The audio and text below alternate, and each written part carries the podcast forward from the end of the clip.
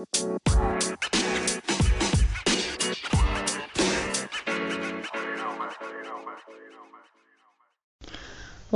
back di Spooky Size by Nena Garan dan saat ini gue masih selalu sama Octavian. Hai Okta. Hai. Oke, kali ini nih gue pengen ngebahas apa ya? Hotel Niagara. Ya, lagi hype banget sih, walaupun sebenarnya hype-nya tuh udah lama ya. Cuman mungkin viral lagi karena ada salah satu konten TikTok yang bikin hotel itu jadi viral ya enggak? Nah, pertama nih apa yang mau gue sama Okta kupas dari Hotel Niagara itu sebelumnya kita mau ceritain dulu tentang sejarahnya. Sejarah dari Hotel Niagara di Malang, tepatnya di Kecamatan Lawang ya. Iya, lawan. Di Kecamatan Lawang itu konon katanya itu dibangun tahun 1918 oleh pria keturunan Brazil dan waktu itu tuh pembangunannya sampai berapa tahun? 15 tahun. Wah, 15 tahun. Itu lama banget sih hitungannya ya. Soalnya paling ya kayak misal orang bikin hotel atau bangun tinggal kan biasanya paling cuma 2 tahun, tiga tahun gitu cukup sih? Cukup ya? Ya mungkin kan SDM dulu sama sekarang kan beda. Oh iya mungkin lah ya. SDM-nya doang sih. Sama ah, keterbatasan alat-alat mungkin alatnya kan mungkin nggak secanggih sekarang. Iya, nggak mungkin juga kayak em, kisah Roro Jonggrang dan Bandung Bondowoso yang pakai jin. Ya, terus abis itu, itu tuh sebenarnya dibangunnya tuh bukan bangunan hotel ya, bukan ya, tapi villa. Awalnya tujuan pembangunannya dibikin untuk villa keluarga Villa keluarga, tapi tahun 1980-an, 1920-an. 1920-an itu dirubah menjadi Bukan dirubah. Pertama keluarga yang bangun itu hmm, pindah mereka pergi pindah menetap di Belanda hmm. Terus, terus setelah itu 1960-an ahli waris keluarga yang bikin villa itu hmm, ngambil alih ngambil alih, terus untuk dijadikan hotel, hotel. Nah, hotelnya tuh bangunnya apa? Bener-bener itu sebagai hotel itu tahun berapa? 19 1964 Oh, 1964. sekitar 1964 Oh, 1964. Itu berarti 1964 udah jadi hotel ya. Hmm. Cuman eh, di sini kan gue bukannya mau komen-komen video-video viral yang lagi ada di TikTok. Cuman kayak kita kayak le- lebih pengen pengen ngebahas soal mitos-mitos yang ada. Kalau yang gue denger-denger ya katanya eh, di situ kan ada lima lantai ya. ya lima lantai Ada lima lantai, tapi lantai 4 dan limanya tuh nggak digunakan. Jadi pembatasnya tuh dari lantai 3 ke lantai 4 itu ada kayak pagar yang digembok. Nah itu tuh waktu itu salah sa- uh, waktu itu gue pernah lihat di salah satu itu kok kayak di Lawang Sewu di Lawang Sewu Oh iya ya, ada. ah, juga ada, ada. ada tapi itu cuman di cuman di, Di sisi beberapa ruang. beberapa ah, cuma di sisi. semua Ah, kalau di Lawang Sewu kan masih ada. Yang waktu itu kayak kita pas ke lantai atas tuh loh itu kan masih ada yang bisa Hmm. akses itu tapi ada salah satu akses yang emang bener kita nggak boleh masuk situ gitu kan.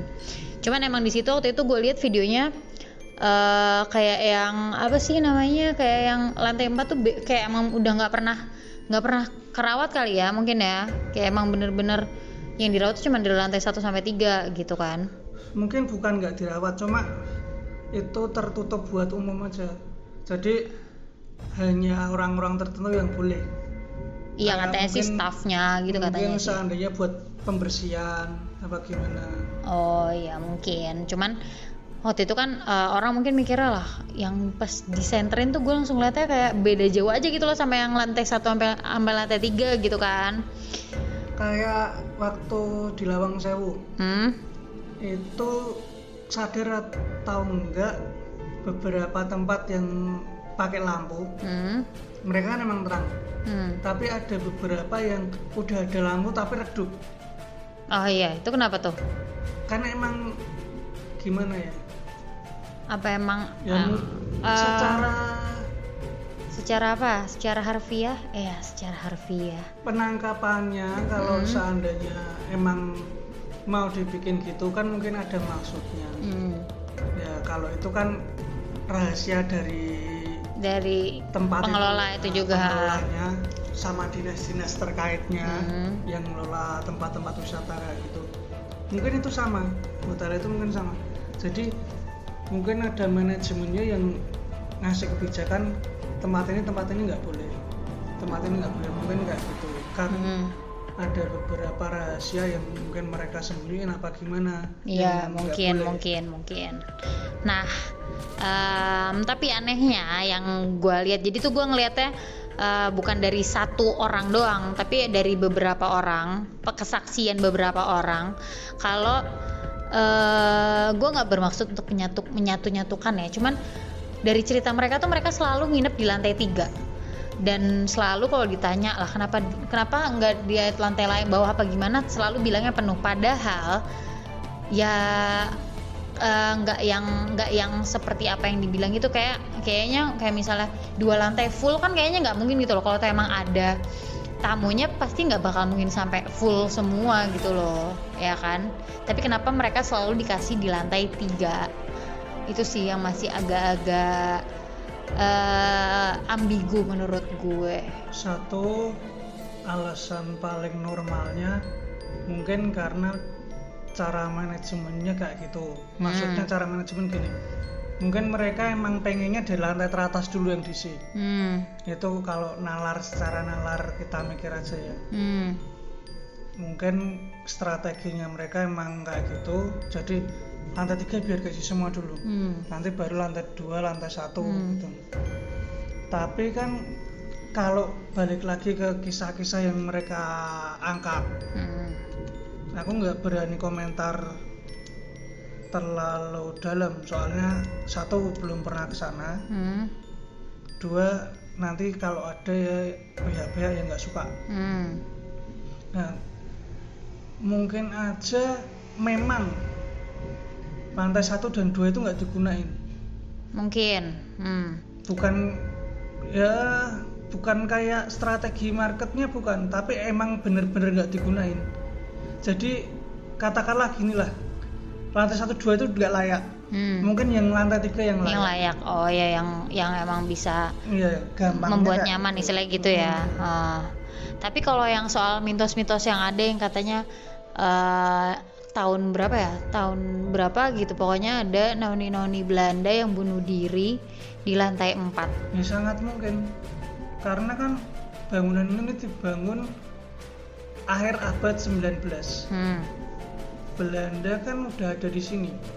iya pasti udah ada Belanda udah ada di sini dan kemungkinan untuk mereka menduduki tempat itu kan ada. hmm. Karena ahli warisnya tadi 1960-an baru ngambil alih lagi. Oh iya benar benar benar oh iya itu kan udah setelah merdeka ya Mm-mm. Ah, Kan itu bisa bisa aja digunain sama Belanda, Belanda. apa Jepang Iya, yang waktu itu di sini ah, kan mungkin. bisa aja. Uh, terus kayak apa sih yang katanya kalau di ruang bawah tanah tuh kayak tempat apa namanya pembantaian, kayak pembantaian massal gitu sampai katanya tuh uh, ada apa warga sekitar tuh suka ngelihat em, apa namanya pernah ngelihat ada yang uh, berlumuran darah. Terus ada juga kalau yang soal noni-noni itu pernah ngelihat ada di salah satu kamar yang itu kamar tuh nggak dipakai buat nginep tapi mereka lihat uh, dari luar kalau ada bayangan perempuan gitu loh. Bisa jadi itu kayak hampir semua bangunan zaman dulu mereka punya ruang bawah tanah. Hmm. Kalau Malang aku nggak tahu alasannya apa kenapa mereka nerapin itu termasuk pem- pembuat bangunan ini kenapa mereka nerapin itu. Cuma kalau di Lawang Sewu waktu itu kan digunain buat tahanan. Hmm, hmm. di situ kan juga ad- ada pembantaian. Ada hal bisa jadi style story-nya sama kayak di Lawang Sewu. Iya, apalagi kan emang pernah ada terjadi penjajahan di sini kan di Indonesia kan. Jadinya kayak yang mungkin em, gimana ya? Kayak kalau misalnya ada pembantian gitu kan mungkin ada itu bukan orang Belanda doang dong pasti. Iya, bukan itu kemungkinan terbanyak yang jadi korban ya rakyat, Hmm. rakyat Indonesia. Cuma beberapa mungkin Belanda juga ada. Kalau Belanda pembantaiannya lebih dari Jepang karena kan waktu kita mau merdeka itu Jepang sama Belanda kayak memperebutkan Indonesia oh iya kayak Nah, pa- pas waktu itu itu nggak cuma di Surabaya, di Malang dan sekitarnya, di Semarang pun kayak gitu. Hmm, hmm. Yang ada di Lawang Sewu, ini kesamaan cerita saya. Yang di Lawang Sewu itu Belanda-Belanda itu didesak sama Jepang. Sampai akhirnya beberapa kan orang Belanda ada yang meninggal, ada yang kena tebas samurai, ada yang ditembak di situ, ada yang kalang kabut lah. terus kayak kan aku dari beberapa orang itu kan ada eh, beberapa orang yang bilang mereka nggak ngerasain ada apa-apa. Ada yang bilang mereka diganggu. Ada kayak yang entah itu suara entah itu bayangan atau apa ketukan pintu atau apa gitu. Tapi ada juga yang bilangnya nggak nggak kenapa-napa tuh gitu. Itu tuh biasanya tuh kenapa kalau menurut lo kayak eh, masa iya sih eh, ngerasain apa kayak em, ininya pilih kasih gitu kan kayaknya nggak gitu ya apa gimana nih Satu, karena tujuan mereka mungkin datangnya. hmm. Karena biar gimana pun kalau memang di situ ada sesuatu, seandainya tujuannya jelek kan pasti kan mereka juga nggak suka yang udah ada di situ. Hmm, hmm. Bisa jadi kayak gitu. Yang kedua, mungkin juga karena sensitivitas. Kan orang kan ada yang sensitif, ada yang enggak. Oh, sensitif iya. dalam arti bisa ngerasain mereka. Hmm, hmm. karena kan ada yang emang sebenarnya mereka nggak sensitif tapi karena frekuensinya sama kayak seandainya lah kita nyetel radio nyetel radio gelombangnya ini Hmm, kalau seandainya gelombangnya itu meleset kan nggak nyambung hmm, sama radio yang kita pengen hmm. Nah, kebetulan frekuensinya sama. Kayak di radio itu cocok frekuensinya sama. jadinya kita nyambung, nyambung, oh kan. jadinya nyambung Nah, orang juga kayak gitu. Ketika frekuensinya kita sama-sama kayak mereka, Hmm. mereka bisa tahu. Oke, jadinya banyak hal-hal ya. Jadi mungkin kalau yang bisa gua apa namanya simpulin saat ini sih, oke mungkin namanya bangunan tua pasti serem ya di mana-mana ya. Istilah kayak hawanya ya namanya udah gimana sih? Udah hitungannya ya kayak udah ratusan tahun, atau puluhan tahun itu kan kayak yang em, ya pasti ada sesuatu di situ nggak mungkin nggak ada bahkan di rumah kita sendiri pun juga pasti ada ya nggak Ya, sebenarnya tuh kadang banyak yang salah mengartikan arti seram. apa tuh? karena beberapa kejadian yang kayak mungkin diganggu apa gimana mungkin sebenarnya niatnya bukan mengganggu ngajak kenalan Heeh, bisa. kasarnya kayak gitu. Hmm, halusnya ding bukan kasarnya. Iya, tapi kan tapi ya kan kita kan istilahnya kan emang manusia gitu kita berbeda alam kalau misalnya digituin ya pasti menganggapnya ya there's something wrong. ya itu kenapa fungsinya kita kalau ke tempat-tempat baru ke tempat yang belum kita pernah datengin kita selalu disuruh salam kan Hmm. kan itu fungsinya kayak gitu karena biar gimana pun saat kita salam permisi mereka tahu Ah, mereka tahu kayak kalau kita mau di situ eh, dia nggak akan ganggu tapi balik lagi kalau Niat. kita udah salam tapi niat kita jelek ya sama aja sama aja jadi ya kan juga Kan- pasti. ibaratnya mereka tuan rumahnya Ah, ah, ah. kita tamu Hmm, tamu benar-benar. kalau seandainya tamunya nggak enak ya tuan rumahnya justru timbal baliknya juga nggak enak dong Hmm. nggak mungkin tamunya kita seandainya nyelonong ke dapur nggak ngomong apa apa kita diem aja kan nggak Enggak. ah. pasti kan kita kesel. Ah, pasti ada rasa nah gimana. itu juga sama Jadi ya kalau menurut lo mending em, itu tuh apa hotel itu sebenarnya tuh layak bukan layak sih. Apa sih namanya? Sebenarnya nggak apa-apa nggak sih nginep di situ gitu nggak loh apa-apa. Soalnya- semua semua bisa semua bisa dipakai.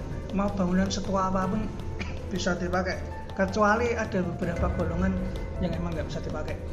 Tapi kalau setahuku beberapa bangunan yang ada di Semarang Hmm, Semarang Jogja dan sekitarnya yang udah terbiasa sama para pariwisata wisatawan hmm, mereka justru kadang cuek-cuek aja. Hmm. ah kalian kan cuma tamu ngapain? Ibaratnya gitu. Iya jadinya kayak udah terbiasa aja gitu ya. Ah, ya. Tapi walaupun mereka udah terbiasa kalau niat kita jelek pun ya balik lagi. Hmm. sambutannya pun juga bakal jelek kayak contoh realnya nih Hmm. yang paling terkenal dan semua pasti pernah tahu waktu uji nyali Hmm. di salah satu stasiun TV Hmm. yang di Lawang Sewu Hmm. udah menurut beberapa sumber yang aku tahu mereka udah dikasih tahu nih rundownnya jangan kayak gini jangan kayak gini jangan kayak gini Hmm. tapi justru krunya Hmm. katanya nih katanya mereka melanggar itu kayak seandainya mas jenengan boleh di sini tapi jangan bakar dupa ya Hmm. tapi malah nah tapi malah Melanggar. melanggar Hmm. bakar dupa akhirnya kejadian kayak yang kita lihat di TV Hmm. jadi apa pun yang terjadi ya tergantung dari diri kita ya sendiri juga ya Hmm. kan kita kan pastian udah dikasih tahu kan batas-batasnya gimana Hmm. mas nggak boleh gini nggak boleh gini nggak boleh gini Ah, tapi kalau nah misalnya, itu kalau misalnya kita langgar ya udah terima nasibnya aja Hmm. terima Jadi- resikonya mau di bangunan apa pun walaupun baru tapi kan tanahnya bukan tanah baru. Emang ada kita tanah baru? Hmm, nggak enggak ada kan enggak. semua tanah-tanah bekas. Ah. nggak tahu itu dulu tanah apa apa tanah tempat apa? kan ah yang benar-benar. jadi kita harus benar-benar emang permisi ya permisi terus Mm, mm, melakukan peraturan yang ada. Mm, mm. ya jadi intinya kalian kalau misalnya mau nginep di Niagara nggak apa-apa. Nah coba aja. Coba aja kan itu kan tergantung dari eh, niat kalian juga apa gitu. Jadi ya intinya satu sih kita harus selalu berdoa. Terus dua kita harus selalu salam selalu beretika yang baik. Semua jadi ada harmonisasinya. Hmm. kalau di Chinese ada yin yang-nya. Hmm. ada keseimbangan. Kalau kita baik ke alam alam juga feedbacknya baik ke ya bener. Semuanya tuh bakalan sesuai dengan apa yang kita lakukan seperti apa yang kita tanam akan kita tuai right? Iya. ya udah segitu aja ya guys. Karena aku juga belum pernah nginep sana tapi ntar eh, soon deh kayaknya aku mau nyoba karena aku penasaran ya. Mungkin kalau misalnya udah nyoba uh, I will review. Oke thank you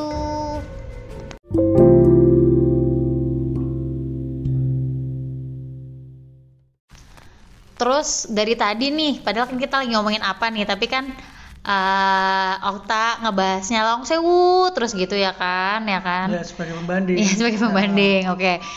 Kalian nggak ada yang mau tahu nih gimana cerita kita, apa kejadian soalnya waktu itu kita pernah kayak apa sih namanya? Jalan-jalan. emang sengaja waktu itu rencananya emang mau bikin em, kayak penasaran gitu. Kayak mo- modelnya kayak model ngerekam ngerekam apa sih namanya? Paranormal activity gitulah istilahnya lah gitu ya. Tapi emang belum sempet kita upload. Nah eh, dan waktu pas kita ngerekam itu kita itu sampai jadi orang terakhir yang di sana. Waktu itu pas mas pas masa pandemi gini ya. Hmm. Tutupnya itu maghrib jam 6 tapi kita jam 6 lewat tuh masih di situ dan em, beruntungnya kita saat itu eh, apa namanya satpamnya di situ baik gitu loh jadi oh ya udah nggak apa Bukan ke satpamnya yang baik. apa tuh Waktu itu kita udah disamperin satpam loh. Biar masuk kok masuknya. Nih, tuh, tuh, tuh,